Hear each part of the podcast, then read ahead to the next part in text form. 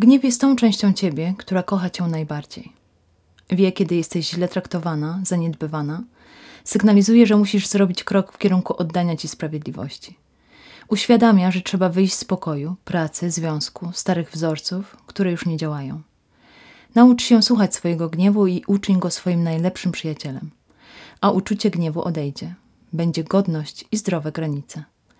Taki cytat znalazłam w internecie. Podobno autorstwa Sylwii Opperman pod zdjęciem pracy Hansa Valora. I zainspirowało mnie do podjęcia tematu gniewu. Czy wiedziałaś, że w języku polskim jest 138 synonimów słowa gniew? Gniew jest normalną emocją, którą wszyscy mamy, tak samo jak szczęście, smutek czy niepokój. Gniew jest czasami walką, ucieczką lub stagnacją, w zależności co go powoduje. Doświadczyłam wszystkich na swojej skórze. W intensywnym stresie nawet najspokojniejsza osoba może stać się bardziej zła, niż się spodziewaliśmy. Ja do tych najspokojniejszych nie należę. Niestety, to jedna z tych cech, której bardzo w sobie nie lubię. Jestem złośnicą. Najczęściej walczę, rzadko uciekam od gniewu.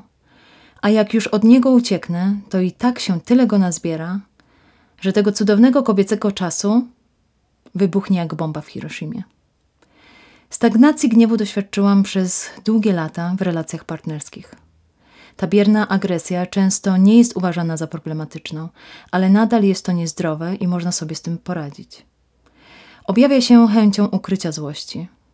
Może to oznaczać milczenie lub ignorowanie ludzi i ich toksycznych zachowań zamiast krzyczeć i wściekać się. Udawanie, że wszystko jest w porządku i zamykanie się w sobie, jednocześnie emitując pasywno-agresywne wibracje wokół siebie, nie jest dobrą rzeczą dla nikogo.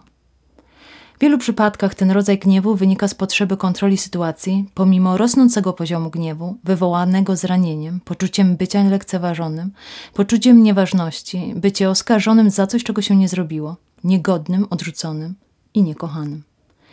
Jak mówi Wojciech Eichelberger, gniew nigdy nie jest agresją skierowaną do osoby, ale zawsze dotyczy jej zachowania i sytuacji, w której się znajdujesz, bądź na którą się godzisz, a wcale ci ona nie służy.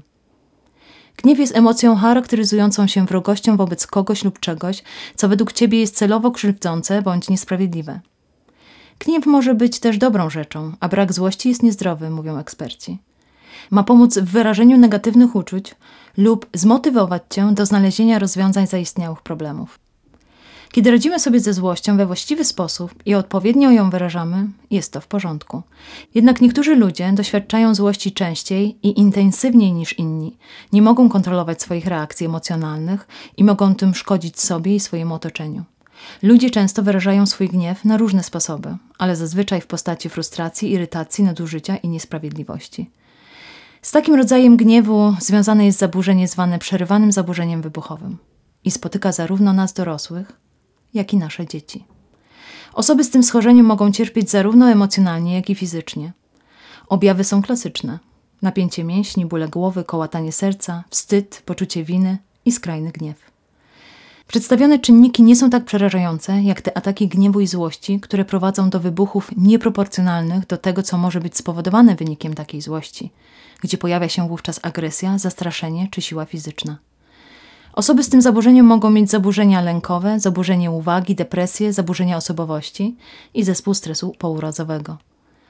To zaburzenie, które może rozpocząć się w okresie dojrzewania, a czasem nawet w dzieciństwie, może powodować niepowodzenia w szkole, poczucie bezwartościowości, trudności w kontaktach z innymi, a także izolację. Nie wspominając o problemach prawnych osób, które w złości popełniają przestępstwa, łamią panujące zasady, wdają się w bójki i konflikty. Wszyscy przy każdym rodzaju gniewu, a jest ich ho, ho, ho i jeszcze trochę, doświadczamy poczucia winy, żalu i wstydu po procesie złości i agresji.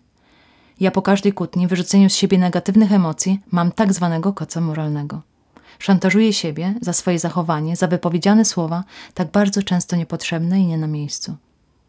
Często zadaję sobie pytanie, dlaczego ludzie wpadają w szał.